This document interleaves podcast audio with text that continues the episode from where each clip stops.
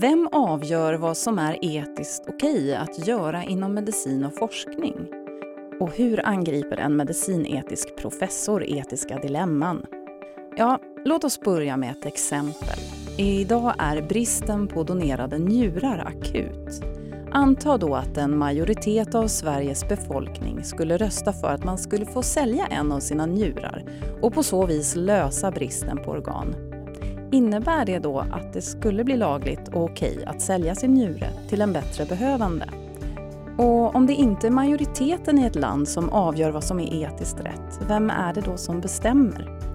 Ni lyssnar på Vetenskap och hälsa. Jag heter Tove Smeds och med mig i studion har jag Nils-Erik Salin, professor i medicinsk etik vid Lunds universitet, medlem i Statens medicinetiska råd och också medlem i EGE, European Group of Ethics, som är rådgivare till Europeiska kommissionen. Välkommen hit Nils-Erik. Tack så mycket. Du har ju många års erfarenhet av att både forska på, undervisa om och debattera medicinsk etik. Vad säger du om det här inledande exemplet med njurförsäljningen? Vem är det som bestämmer? Det finns ju vissa filosofer som säger att om vi lever i en absolut ideal värld så kan man sälja sina organ fritt. Men vi lever ju aldrig i de här världarna som är perfekta utan om man tittar på andra områden där man har ägnat sig åt att köpa och sälja så är det ju ofta de som är lite mer eh, i behov av pengar eller någonting som säljer sina kroppsdelar. Och jag tror inte man kan hitta en situation där det här kommer att fungera. Och det spelar inte heller någon roll, tycker jag, om halva befolkningen säger att så här vill vi göra. Därför att man måste sätta sig ner i sådana här situationer, ha ordentliga argument för vad man gör och inte gör. Eh, vilka är det som har någonting att vinna på det här? Vilka har någonting att förlora? Vilka konsekvenser kan det bli av det? Och göra en riktig systematisk analys. Men visst, det finns de som menar att man skulle kunna få 300 000 för en njure eller något i den stilen. Det kommer inte att fungera. Det blir inte du och jag som säljer våra njurar man har sett det här tydligt när det gäller äggdonation, där man har, sett, man har ett behov av att fler donerar ägg. Men eh, det har varit svårt att få människor att göra det. Och donation är ju någonting man gör frivilligt och utan ersättning och så vidare. Och då har man höjt ersättningen till den gräns att man kan misstänka att det här har blivit ett köp då är det ju inte igen du och jag höll jag på att säga, men du i så fall som gör detta, utan det är sådana som är, verkar vara i behov av pengar. Det är de som är lite lägre inkomst och så vidare. Samma sak kan man ju förvänta sig oavsett vilket organ vi pratar om eller vad vi pratar om här. Saker som kommer då i eh, inte blir riktigt respekterade. Det blir en rättviseproblematik och annat. Så majoriteten är inte alltid så bra beslutsfattare med andra ord? Majoriteten kan vara en lysande beslutsfattare men också en förskräcklig beslutsfattare, vilket historien visar. Det finns ju en ideal för hur man ska fatta beslut och det är väl känt och utvecklades under 1900-talet. Sen har ju psykologerna kommit in för nu drygt 50 år sedan och mer och började titta på hur vi verkligen beter oss som beslutsfattare. Och Det dystra är att vi är inte alls bra beslutsfattare. Vi styrs av affekter, emotioner, sinnesstämningar och annat. Och det är ju inte det som ska ligga till grund för beslut inom vården. Sen har man ju lärt sig och när jag har tittat på detta så har jag sett tre saker som jag eh, har tagit med mig. Det ena är att vi är enögda. Det andra är att vi är närsynta och sen att vi har ett allvarligt brytningsfel som beslutsfattare. Och vad betyder det här? Jo, enögdheten är att vi hänger oss fast nästan direkt vid en lösning och sen vill vi ha den och så tittar vi inte på möjligheter. Eller en hypotes och så tittar vi inte på möjligheter. Närsyntheten är att vi letar inte efter belägg. Vi letar framförallt inte sådana saker som motsäger vad vi tror.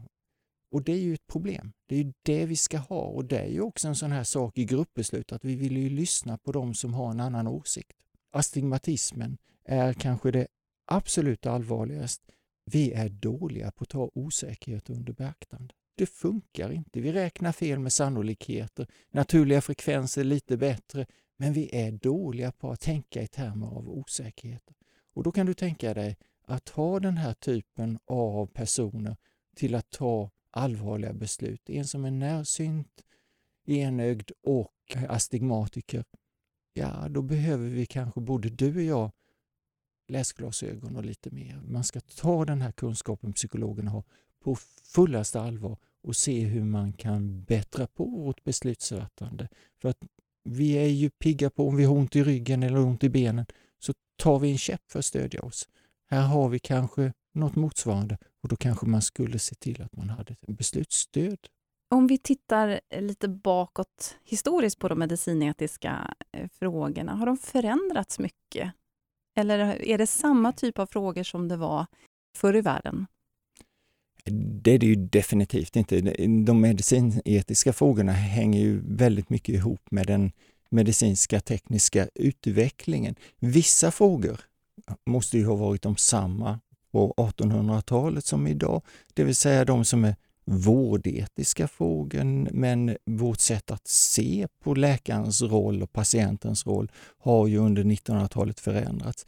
Från att läkaren bestämde allt har läkaren gjorts om till en rådgivare egentligen. Det är patienten som ska bestämma och göra det på eh, den information han eller hon får från sjukvården, läkare och sjuksköterskor och så vidare. Vilket ställer till egentligen ibland svåra problem om inte patienten har möjlighet att göra det, vill göra det eller något annat. Så där har det skett en förändring, men frågorna är lite desamma. Men när det gäller till exempel eh, äggdonation njurtransplantation, det kunde vi inte göra då för länge sedan. Så där har det skett en mycket snabb utveckling och där den medicinska etiken måste ligga nära den kunskapsutveckling som sker och ta hänsyn till detta. Och Det där är ju också spännande för det kräver både att medicinerna lär sig etik och hänger med på den, men etikerna försöker i så stor mått det är möjligt lära sig den nya tekniska utvecklingen och kunskapen och är med på det. Annars blir det bara fel. En sådan utveckling är ju till exempel att man pratar mycket om AI, alltså artificiell intelligens och robotar inom sjukvården. Vad ser du för etiska dilemman som skulle kunna uppstå vid den utvecklingen?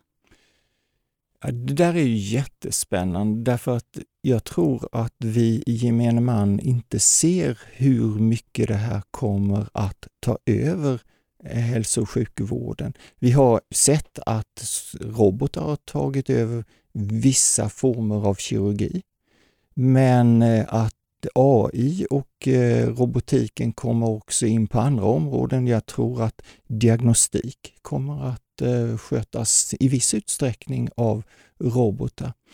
Men då uppstår ju ett problem att de här robotarna, den här eh, artificiella intelligensen, de är ju programmerade av någon.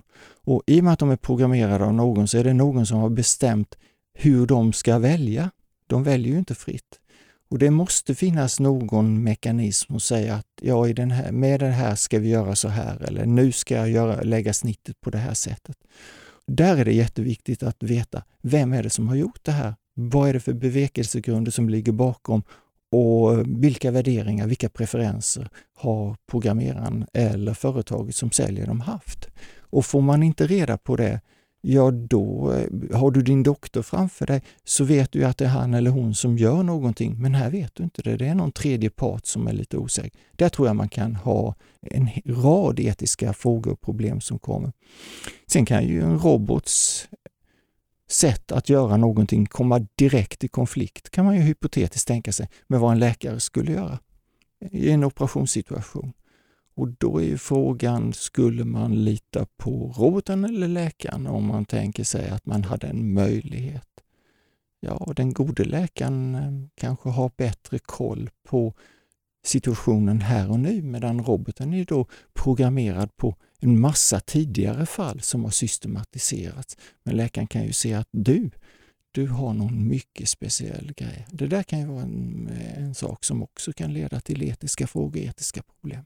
Men hur ska man då förhålla sig till, för samtidigt så är ju den här tekniska utvecklingen positiv, den mm. kan innebära mycket bättre vård och, mm. och jag tänker på att när en del lyssnare hör det här kanske de blir rädda om de ska utsättas för en sådan typ av kirurgi till mm. exempel.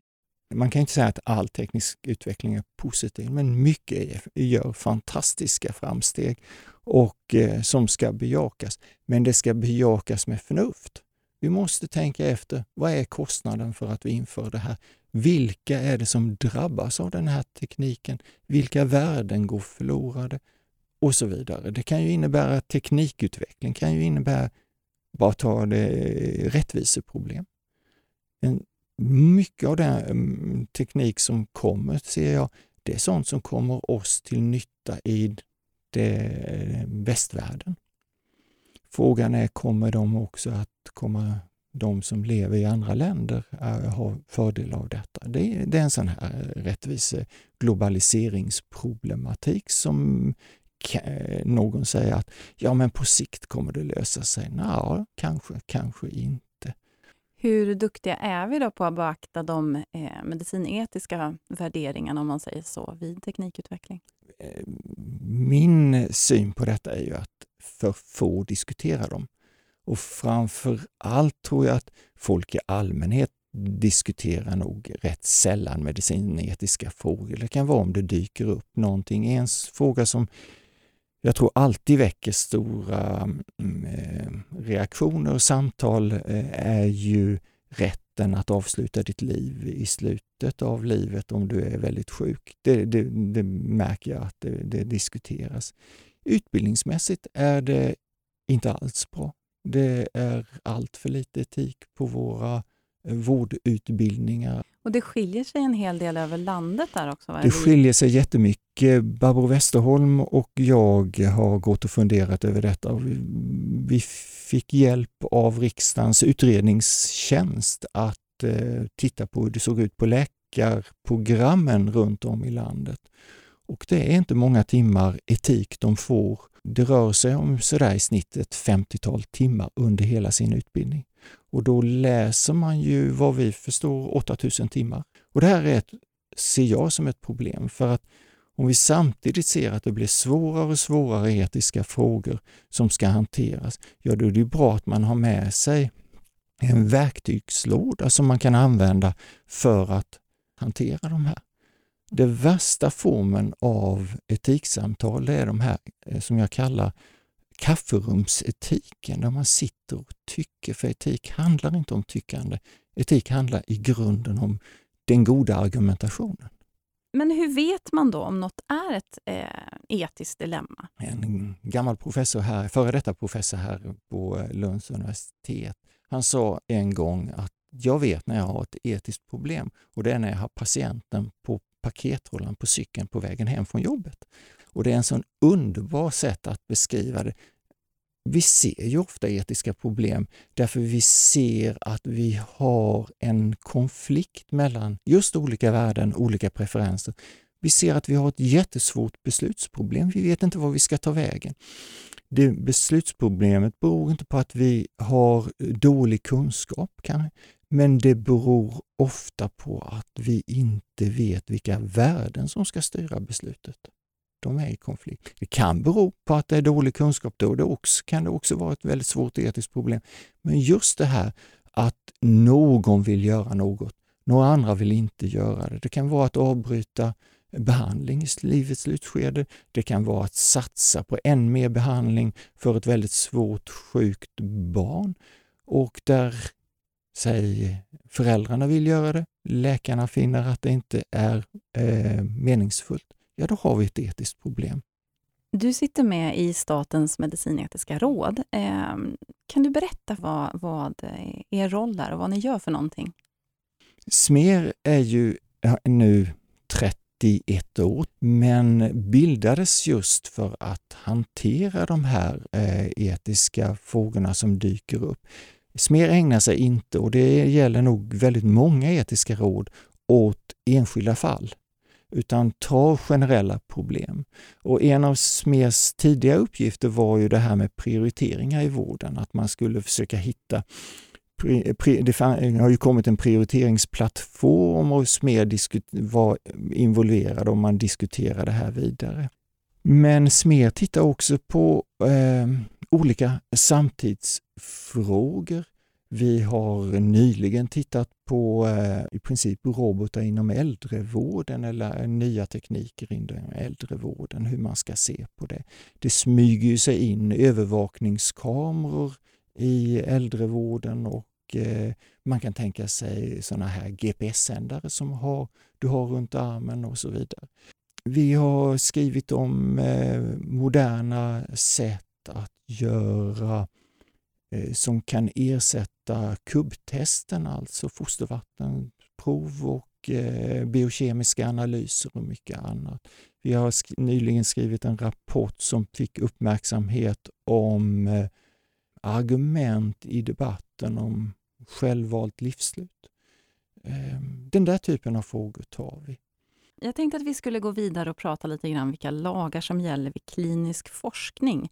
För eh, på senare tid har man ibland kunnat höra och läsa i media att det finns en gråzon mellan klinisk forskning mm. och vård. Och, är det så? Jag tror det här beror på vem du frågar. Frågar du mig och en av mina kollegor som har tittat på det, Lena Wahlberg, så om man med gråzon menar att det inte finns någon lag som täcker det man gör, i så fall tror vi inte att det finns en gråzon. Men för, för att vara riktigt tydlig då, om vi har en, en riktigt svårt sjuk patient ja. och så finns det en behandling, alltså en experimentell behandling. Ja. Får man då, med, om patienten ger sitt tillåtande, får ja. man då ge den? Du får göra det om den är, det finns vetenskap och det finns beprövad erfarenhet. Och det här är ju då att du kan göra det idag om det finns djurförsök eh, gjorda, om du ansöker om de tillstånd du behöver. Det vill säga, ska du göra det på kliniken så triggar ofta numera kan det ju vara någon stamcellsbehandling eller något annat. Och då har du, använder du dig av minimalt förändrade celler. Då eller gäller läkemedelsförordningarna och då så måste du begära tillstånd från Läkemedelsverket. Antingen för att göra en motsvarande en klinisk läkemedelsprövning eller så får du ha det här som kallas sjukhusundantaget och då kan du behandla en enskild patient. Skälet till att vi har det, vilket man ibland glömmer, är att då triggar det in en massa säkerhetsnivåer. Man kontrollerar vad som händer, man följer det och det är uppföljning och så vidare. Så det här är inte på något sätt negativt att man går den vägen. Det kan ju förefalla för den som vill göra det tungt att skicka in alla papperen. Men det är så att säga någonting som är där för att garantera patientens säkerhet men också egentligen garantera hälso och sjukvårdens eh, tilltron till hälso och sjukvården. Så, det finns en vetenskaplig upptäckt som av en del menas vara en kandidat i Nobelpriset i mm. medicin eller fysiologi, nämligen gensaxen eller CRISPR-Cas9 som den egentligen heter. För att förklara så enkelt så är det en teknik som gör att det är möjligt att gå in och klistra och klippa bland mm. våra gener. Eh, vad tänker du som etiker om detta? Min första reaktion är ju att jag blir ju alltid jättenyfiken på sådana här nya tekniker. Och den här har ju potentiellt en fantastisk möjlighet att eh, se till att svåra sjukdomar som går i arv kan helt enkelt bara raderas bort. Men den har ju också en möjlighet att skapa oreda. Eh, därmed ska man nog ta det här med väldigt stor försiktighet och fråga sig vad man, vad man ska göra och vad man bör göra. Sen är ju kunskapsläget idag långt ifrån stabilt vad det gäller dem. Det blir ju otroligt mycket bättre varje dag. Så jag tror den här kommer att utvecklas, kommer att användas på olika sätt. Men vi ska fundera över när den kan användas och hur den ska användas. Och det här är en etisk fråga. För det sätter ju gränser för teknikens tillämpningsområden. Man kan göra mycket med den. Man kan köpa ju nu sådana här kit och använda den för att eh, göra saker hemma i köket som du aldrig i ditt liv tidigare kunde ha tänkt dig. Och där finns ju en risk med den också som inte ska överdrivas, men du kan ju köpa en viss typ av bakterier på nätet. Du kan använda tekniken och du kan göra de här bakterierna från att ha blivit helt utslagna av antibiotika till att de numera, efter du har varit inne klippt och klistrat, så livnär de sig på antibiotika. Det där menar man är oproblematiskt därför att man har i de här kitten se sett till att det finns vissa säkerhetsåtgärder. Men eh, man lär ju sig tekniken. Man lär sig hur man ska kunna göra detta. Så att eh, biohackare kan ju bli ett hot i framtiden. Och Det här var någonting, vi hade ett möte om detta för några år sedan i Atlanta, den här Global Summit. Det var 33 länder från hela världen som var och diskuterade de här sakerna. Och Det här var en av frågorna som var uppe seriöst. Och det var väldigt tidigt. Och då gäller det att de här negativa delarna hanteras, diskuteras och inte sopas under mattan samtidigt som man ser till att de, när tekniken är så bra att den kan göra något riktigt gott, att den får användas. Men om vi kopplar tillbaks till frågan vem som bestämmer vad som är etiskt ja. rätt. Hur ska man göra för att bestämma kring den här tekniken och vilka aktörer är det som avgör? Ja, här har du precis, egentligen precis samma fråga som ligger i botten på det här med robotar och AI. European Group of Ethics skrev precis ett uttalande om robotar och AI som har fått viss uppmärksamhet. Och det som vi föreslår i den rapporten eller det statementet är att här måste det till ett internationellt samtal. För annars kan ju något land fara iväg och andra länder kan så att säga stoppa den här utvecklingen. När det gäller CRISPR och det finns ju andra tekniker så man ska inte hänga upp sig just vid den tekniken. Så håller ju man på vad vi vet i Kina med saker som inte är tillåtna och ingen skulle kanske av eh, forskarna vilja göra här. Men man ser, det går att använda. Nu finns tekniken. Nu använder man den för kloning eller massa andra konstiga saker som vi inte vill ha. Samtidigt är jag ju övertygad om att man ibland som ett enskilt land kan sätta ner foten av moraliska skäl och säga det här vill vi inte ha. Det är, det är inte okej. Okay. I Sverige idag, och det här är jättespännande egentligen och det är också en fråga som mycket snabbt måste diskuteras och som jag hoppas vår regering tar tag i och ser till att man utreder, det är att om de här teknikerna fullt ut ska användas för att bota mycket svåra sjukdomar så måste den rådande lagen om genetisk integritet ändras. Vi kan inte ha kvar den för den förbjuder all genetisk, att man gör genetiska förändringar som går i arv. Och eh, här finns olika, i England tillåter man det som eh, kallas mitokondriebyte idag. Man ändrade lagstiftningen 2014 tror jag det var. Eh, om du har problem med dina mitokondrier så föds barn som får oerhört svåra sjukdomar eh, dör väldigt tidigt och lider oerhört den tid de lever. Men då visar det sig att de här mitokondrierna sitter inte i DNA-spolen eller genspolen inne i ägget som man, utan i mitokondrierna, de här energicellerna utanför. Och då kan man plocka bort dem och låna ett ägg från en annan kvinna och så tar man över den centrala genetiska eh, eh, eh genspolen och stoppar in i det här nya ägget.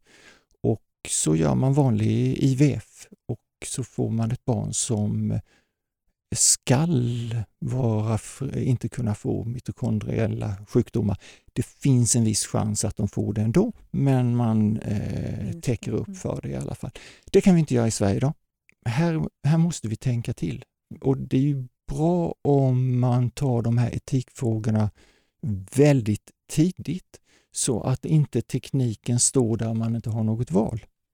Vilka principer använder sig då en medicinetiker av när man antar ett eh, etiskt dilemma? Vad, vad, vad har ni för principer? Ja, frågar du mig så är det bra att inte ha några principer. och Däremot så tror jag du tänker, det finns några som är medicinsk bioetik eh, räknas som de fyra principerna. Man ska göra gott, man ska inte skada, man ska respektera patientens autonomi och så vidare. De där tror jag har viss vägledning, lite tumregler.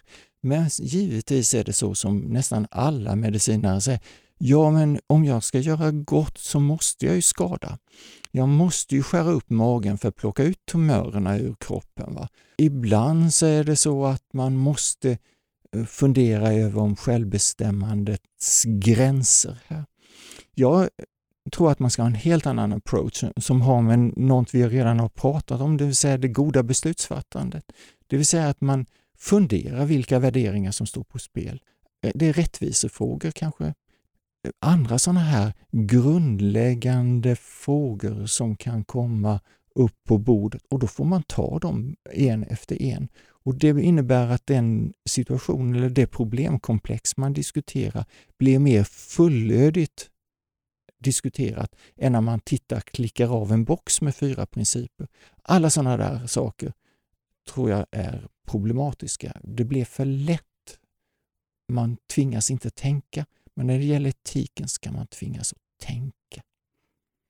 Etiska diskussioner kan, har ju ibland en tendens att, och kanske för att vi inte är utbildade i det, att bli väldigt inflammerade mm. och känslofyllda. Mm. Men där är det ju så att de här etiska frågorna är ju ofta känsloladdade.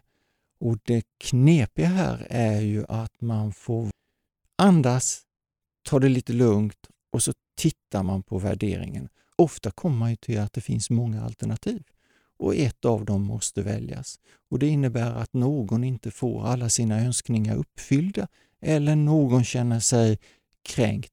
Men vi måste ta ett beslut och det här är det som kanske gjorde att vi tog det beslut som ledde till det bästa resultatet, gjorde mest skott och så vidare. Men då kan man ju inte stå där och skrika jag vill, men inte ha några argument för det. Jag kan gå in i en fråga och då har jag med mig min direkta magkänsla. Men ack så fel denna magkänsla så ofta är när jag har tänkt efter. Och det tror jag gäller de flesta när vi får information, vi lär oss om det, vi ritar upp hela kartan, så får vi påverkar det också våra värderingar. De blir mer genomtänkta. Och Avslutningsvis, då, är, om man är en blivande läkare, eller sjuksköterska eller undersköterska, mm. så kommer man ju under sina yrkesliv att ställas inför många olika svåra etiska mm. beslut. Så är mm. det ju. Har du några råd till dem? Så det rådet jag har till de här unga är att kräva mer etikutbildning. Alltså se till att de får lära sig detta. Det har de stor glädje av, tror jag, i många av de svåra situationer som de kommer hamna i framöver i sitt förvärvsliv. Alltså, de kommer att få en mycket bättre professionell resa om de får med sig etiken ordentligt från början. Och om man som icke-läkare då, som man kanske inte har i utbildningen, om man, som allmänhet, de som lyssnar nu, om de är intresserade av att lära sig lite mer, har du något, någon rekommendation, någon bok eller ja. någonting? Statens medicinetiska råd håller precis på att trycka eh, om en text som har varit en, eh, kan man säga, kioskvältare på det här området. Det innebär att den har gått ut i hundra exemplar. Nej, jag bara skojar. Men den har gått ut i väldigt, väldigt många exemplar och är väldigt populär och som heter Etik en introduktion. Just det, och den finns ju som att ladda ner också. Den finns att ladda ner, men den nya kommer om några veckor. Och eh, den är faktiskt en liten pärla. Eh, och eh, en mycket bra inledning till eh, det här området. Och sen kan man gå vidare. Då gör vi så att vi försöker hitta en länk till den och lägger den i anslutning till vår hemsida till det här programmet. Så, så, om du som lyssnar blir sugen på att läsa den så kan du antingen titta på Smers hemsida, www.smer.se eller på vår hemsida vetenskaphalsa.se. Och med det säger jag tack till Nils-Erik Salin för att du kom hit idag. Stort tack! Jag heter Tove Smeds och inspelningsproducent idag är George Godfrey. Du har lyssnat till en poddserie om forskning som produceras av redaktionen vid Vetenskap och hälsa. Mer information finns på vetenskaphalsa.se. Du kan också följa oss på sociala medier.